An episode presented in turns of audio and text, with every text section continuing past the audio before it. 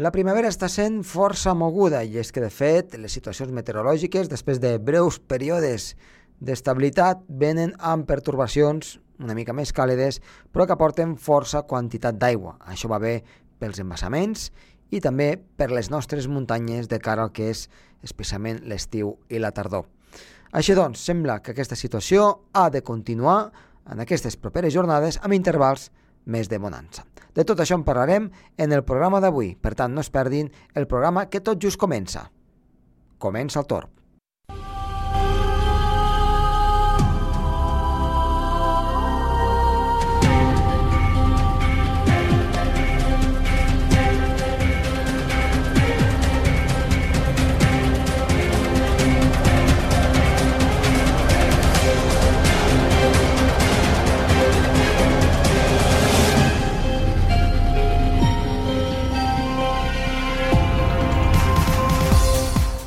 Què tal? Molt bona tarda, moltes gràcies per estar darrere del seu transistor, el seu cotxe o, per què no, doncs des d'internet, des de qualsevol lloc del món. I és que avui parlarem, evidentment, de meteorologia amb en Roger Soler dels últims esdeveniments que hi ha hagut, per exemple, a Xile, amb aquest eh, darrer terratrèmol d'una magnitud doncs, molt i molt elevada. I parlarem amb Anna Viaplana, directora de Medi Ambient del Comú de la Massana. Parlarem sobre el maltractament dels animals salvatges i sobre aquesta prohibició, per fi, de deixar de pescar balenes per part de les autoritats eh, japoneses a l'Antàrtida. Per tant, un programa que es presenta molt interessant i que esperem que els hi agradi.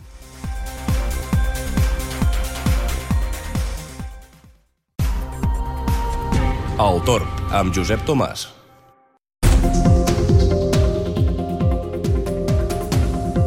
Anem a connectar amb en Roger Soler a l'altra banda del fil telefònic que, com sempre, ens portarà les notícies de ciència i de meteorologia. Roger, molt bona tarda. Bona tarda, Josep. Doncs què ens portes aquesta setmana? Aquesta setmana parlarem d'actualitat internacional. S'ha produït, dimarts es va produir un terratrèmol a Xile amb conseqüències víctimes mortals i parlarem d'un altre efecte, els efectes del protocol de Kyoto, en aquest cas a Espanya, uh -huh. el país veí, i seria una mica la idea de pagar per contaminar. Però si et sembla, anem a l'actualitat més recent, sí. que és aquest terratrèmol, Josep. Doncs uh, explica'ns, què ha passat? Doncs al nord de Xile, el dimarts es va produir aquest sisme de 8,2 graus a l'escala de Richter, amb un epicentre ubicat a 10 quilòmetres de profunditat i a 99 quilòmetres al nord-oest d'Iquique, al nord de la regió, i també a 400 quilòmetres al sud-oest de La Paz, a Bolívia, on també es van deixar sentir aquestes conseqüències del sisme. De moment, les autoritats xilenes han confirmat 5 víctimes mortals i s'han produït també alguns danys materials, però dins del que cap podria haver sigut molt pitjor. Fins i tot es va decretar l'estat d'emergència a regions d'Arica, Parinacota i Tarapacà, quins noms una mica més estranys que mm. fins i tot de pronunciar, i es va donar l'alerta també, Josep, per tsunami amb onades que superaven els dos metres d'alçada. Tampoc no és una no són grans onades, però sí que és sí que va ser un indici per les autoritats per donar aquesta alerta i es va fer una evacuació preventiva. Més val prevenir per que curar i es van evacuar els 4.000 quilòmetres de tota la zona costanera del país. Xile, Josep, és un país de terratrèmols forts i recurrents, amb moltíssima vulnerabilitat per a aquest fenomen natural.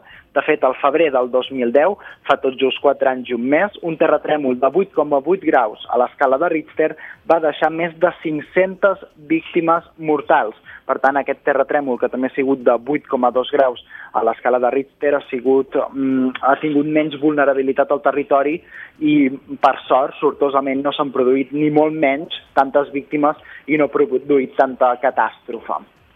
Doncs, eh, Déu-n'hi-do, eh, hem d'estar sempre alerta doncs, amb aquestes catàstrofes naturals que d'altra banda eh, són, doncs, eh, ja ho diuen el seu nom, naturals. Per tant, van succeint i per tant allí on vivim hem d'anar amb la màxima alerta i tenir la màxima precaució i la màxima prevenció.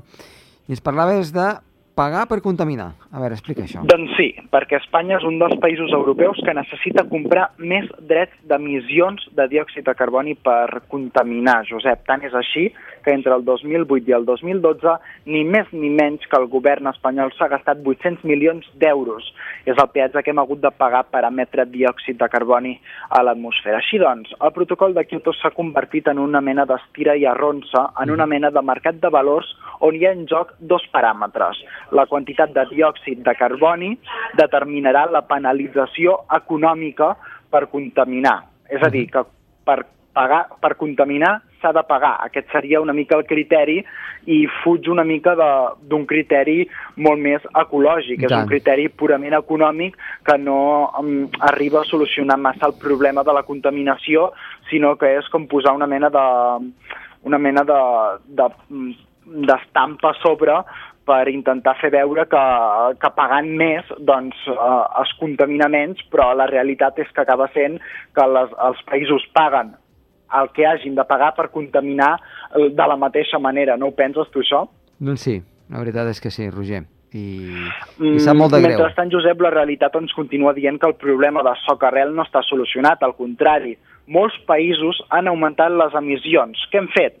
Doncs el que et deia ara, augmentar, comprar més drets d'emissions de CO2, de diòxid de carboni, desembutxacant milions i milions d'euros públics, que això és el pitjor, i tenir el permís per emetre aquesta pol·lució. Podríem afirmar doncs, que Espanya no ha fet els deures, en cap cas, del protocol de Kyoto, no ha complert pas amb els objectius fixats l'any passat. Quines serien les causes? Com podríem explicar aquest desajut? Doncs, segons els experts, Espanya no ha adoptat polítiques contundents de reducció d'emissions, ha continuat donant suport a les energies no renovables i fins i tot per tenir eh, tu unes plaques solars o fins i tot un hort ecològic has de pagar. Imagina't uh mhm. -huh. quin país, eh, Josep? Quin país. Sí, I també sí. augment de preus del transport públic, poca incentivació van pujant els preus del transport públic i això, evidentment, no és una incentivació perquè la gent deixi d'anar en transport privat, Josep. Doncs sí, avui molt reivindicatius, eh, però de fet és el que de tant en tant s'ha de donar un toc d'atenció perquè és el que veiem el dia a dia i que després no ens vagin eh, dient coses que els mateixos polítics doncs, no acaben complint. Roger, doncs sí. moltes gràcies i fins la setmana vinent. Fins la setmana vinent.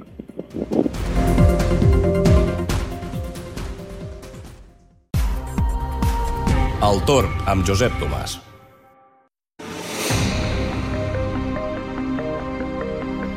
Avui en l'entrevista del programa Tor tenim Anna Viaplana, que és eh, directora de Medi Ambient del Comú de la Massana i que sovint ve per aquí, per aquesta casa, per parlar doncs, de coses de medi ambient, de canvi climàtic, ve al programa de l'Àlex Lliteres, però avui l'hem volgut convidar també perquè últimament han sortit algunes notícies que ens fan esferir una mica relacionades amb el medi ambient i sobretot amb el maltractament dels animals, els animals eh, no domèstics sinó en aquest cas salvatges, i en volem fer 5 cèntims eh, doncs, eh, al voltant d'una sentència que va sortir tot just al llarg de dilluns dimarts d'aquesta setmana.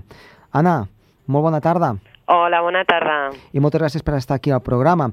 Eh, anem parlant de diverses coses, però el primer que et voldríem demanar, eh, tu que doncs, has tractat molt aquests temes, és eh, sobre el que ha passat a l'Antàrtida en quant a la prohibició de caçar balenes per part doncs, de, dels japonesos, eh, que ho, ho porten fent molts i molts anys. Exacte. De fet, eh, la caça de balenes està prohibida des del 1985. Es va prohibir la caça de balenes per fins comercials. Però Japó en el seu moment doncs, es va poder saltar aquesta clàusula i va decidir que, bueno, va, va apostar per una caça amb fins científics. Uh -huh. Per mhm. tant, doncs, fins ara ha pogut seguir caçant balenes al, al seu antojo.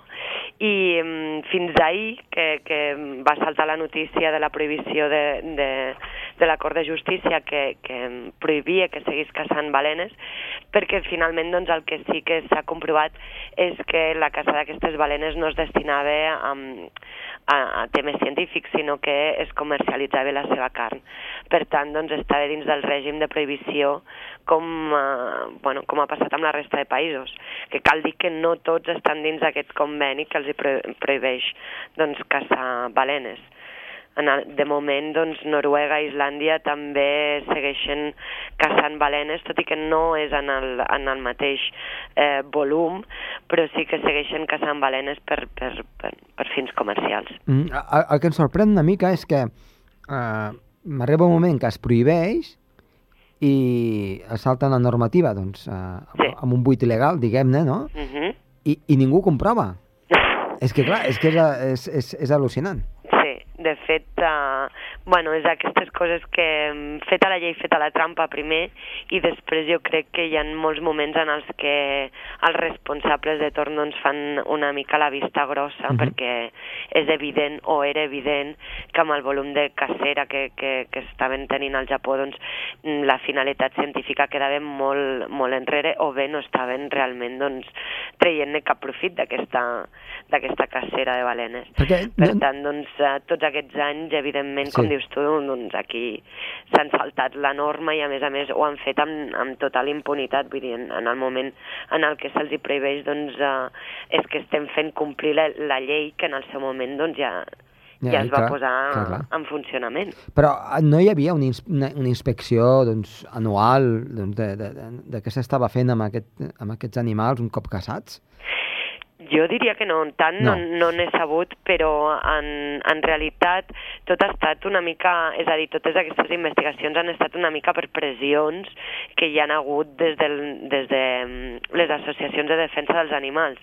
I mm, en realitat eh, sí que haguéssim pogut començar abans perquè, com dèiem, doncs el, el volum de, de cacera no donava per, per pensar que això era amb una finalitat científica. Mm -hmm. eh, de fet, eh, les balenes, mm, una mica, eh, perquè els nostres oients puguin saber, doncs, eh, fent res, 5 cèntims, eh, per què són importants dintre de l'ecosistema de, de, del que és el, els oceans? Perquè suposo que no eren un sol tipus de balenes, potser eren de diferents espècies eh, les que caçaven, o tot el que se'ls hi posava davant doncs agafaven i ho caçaven. No, de fet, uh, sí que han anat amb, amb diferents espècies. Aquest ha estat l'altre símptoma de que, de que la cacera no era per finalitats mm -hmm. científiques només, perquè han, han agafat altres espècies que no, que no tenien un interès científic. La balena, com qualsevol animal d'aquest planeta, doncs, té una importància crucial per mantenir l'equilibri de qualsevol ecosistema, bueno, i de, de, de lo que és l'ecosistema planetari, és a dir, mm, és un animal més més que el, en, el, en el seu funcionament permet que la resta d'animals doncs, també puguin seguir coexistint amb ells i és la base eh, de, de l'equilibri de, dels oceans, de fet.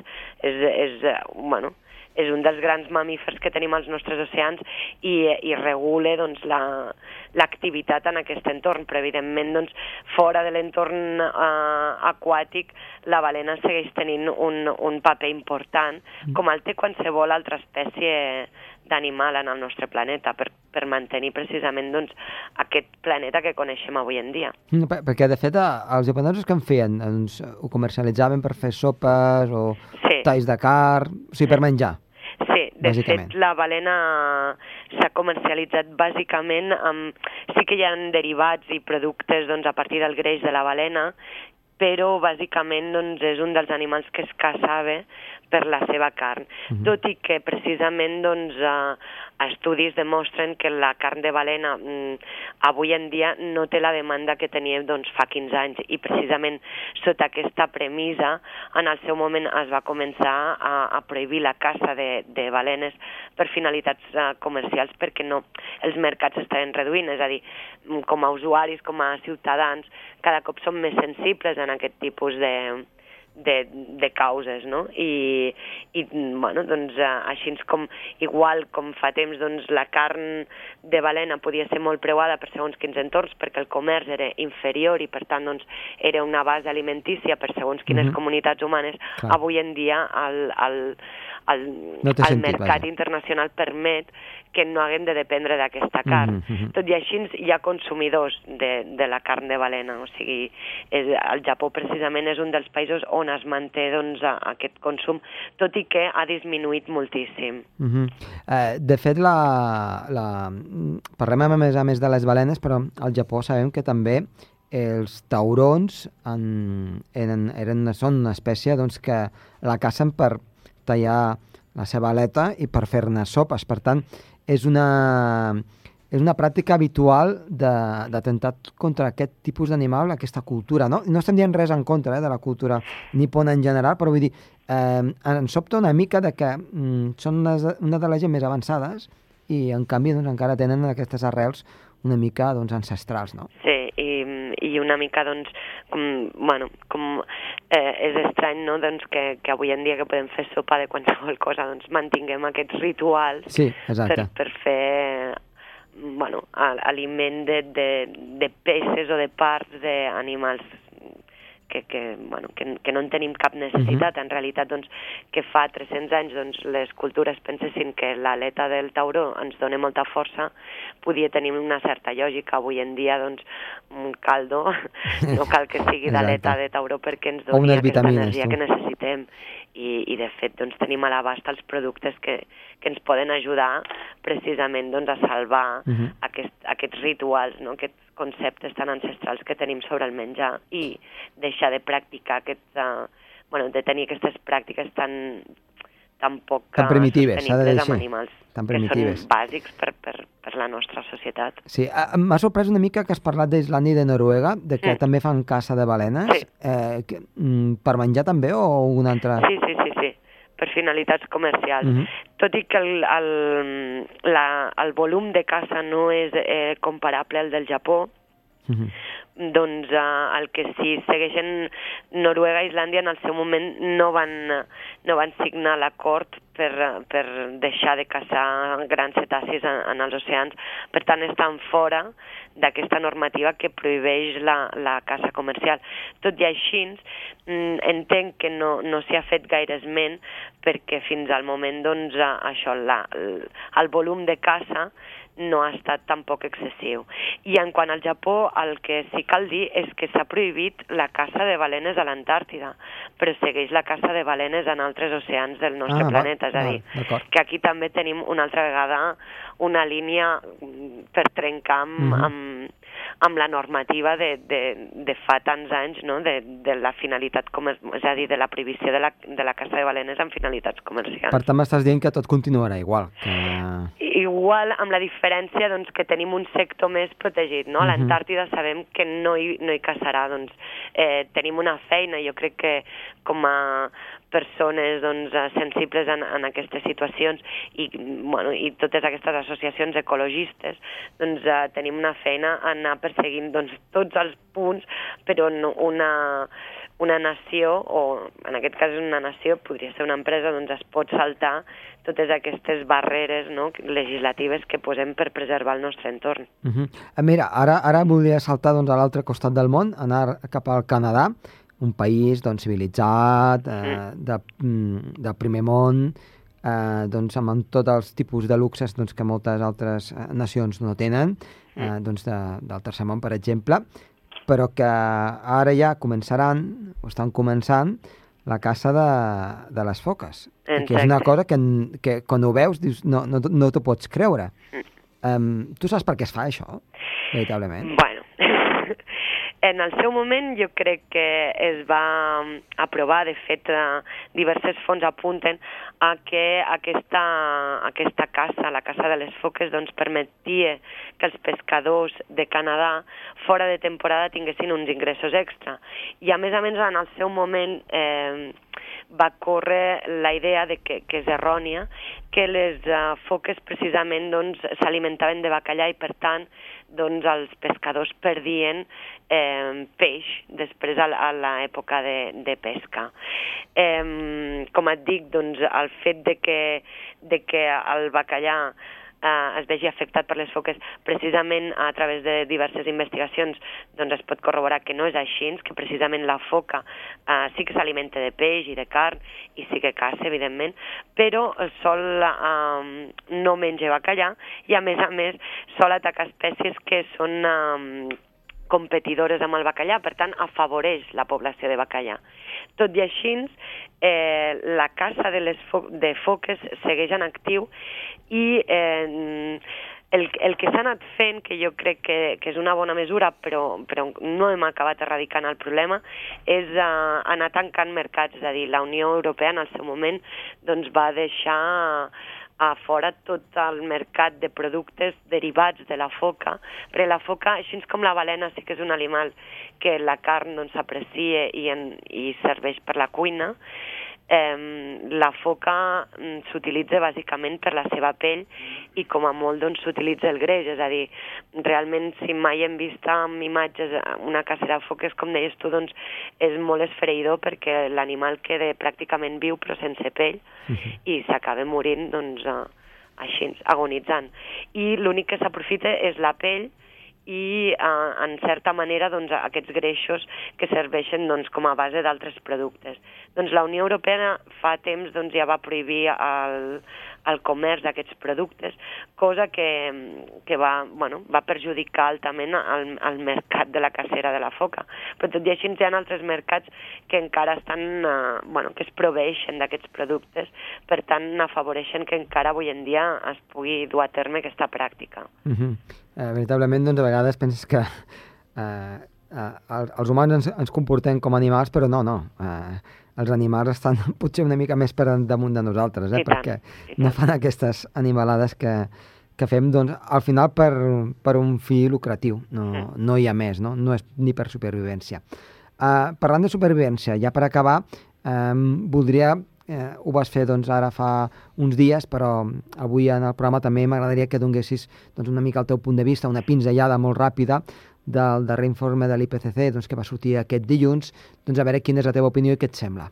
Doncs, uh, aviam, a mi l'informe de l'IPCC ja fa temps, ja fa anys, que em sona una mica la crònica d'una mort anunciada, no? Vas veient que, que cada cop tenim més dades, vas veient que cada cop doncs, te, corroborem més doncs, que l'efecte, l'any passat l'efecte del canvi climàtic corroboràvem que era a causa de, del, de les accions humanes i aquest any doncs, l'IPCC ens diu que eh, hem de posar, bueno, hem de començar a treballar amb quines uh, solucions aplicarem en tant que el canvi climàtic es vagi fent eh, cada cop més eh, efectiu a, les, a casa nostra.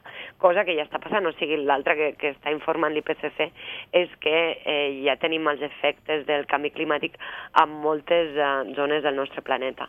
Amb la qual doncs, no deixa de desmoralitzar-me una mica, no? El fet de que fa tants anys parlem de canvi climàtic i no hàgim estat capaços d'aplicar mesures per frenar aquest uh, fenomen i que ara doncs, comencem a parlar de, de les mesures que aplicarem en tant que um, bueno, tinguem els efectes més evidents del canvi climàtic, ens en fa pensar doncs, si serem capaços realment de, de fer-hi alguna cosa o serà un, una, bueno, un fenomen d'aquests que anirem veient com va arribant i, i no reaccionarem a temps, no? perquè al darrere a mi em sembla doncs, que, que si no s'hi si no ha fet res és perquè hi ha grans interessos econòmics. Uh -huh. I mm, una mica si deixem que això vagi seguint en aquesta línia i els interessos econòmics doncs, no permetin aplicar mesures dràstiques i que, i que serveixin per frenar el fenomen del canvi climàtic, doncs eh, no sé fins a quin punt val la pena seguir-hi donant toms, no? És com si, no sé, com si s'anés apagant el dia i, i pues, tanquem la persiana i ja està. Uh mhm. -huh. Però eh, em, em, em sente, és a dir, em fa sentir una mica de desconsol, eh? Pel, pel fet d'haver-ho parlat tantes vegades, també per, per totes aquestes persones no? que en la nostra activitat diària doncs sí que hem anat plantejant accions que, que podien ser, o des de la nostra perspectiva, són eh, més beneficioses o són de millora o contribueixen en menor mesura a que aquest fenomen avanci, no? I mm, el fet de no aconseguir-ho, doncs eh, per mi és una, és una gran derrota el, el canvi climàtic. Uh -huh. eh, potser doncs ara amb aquest nou informe mm, el que, el que pot succeir és que, és que doncs, quan comenci a haver algun efecte prou important i que afecti el primer món, aleshores es començaran a ficar les piles. Potser Segurament. ha de ser aquest el, el, el canvi, no? El, veritablement el canvi que, que, que veurem. Segurament. Anna, doncs moltíssimes gràcies per estar aquí al programa i t'esperem en, un proper, en una propera edició perquè ens expliquis doncs, eh, coses tan interessants com les que avui ens has portat. Gràcies i fins la propera. Fins la propera.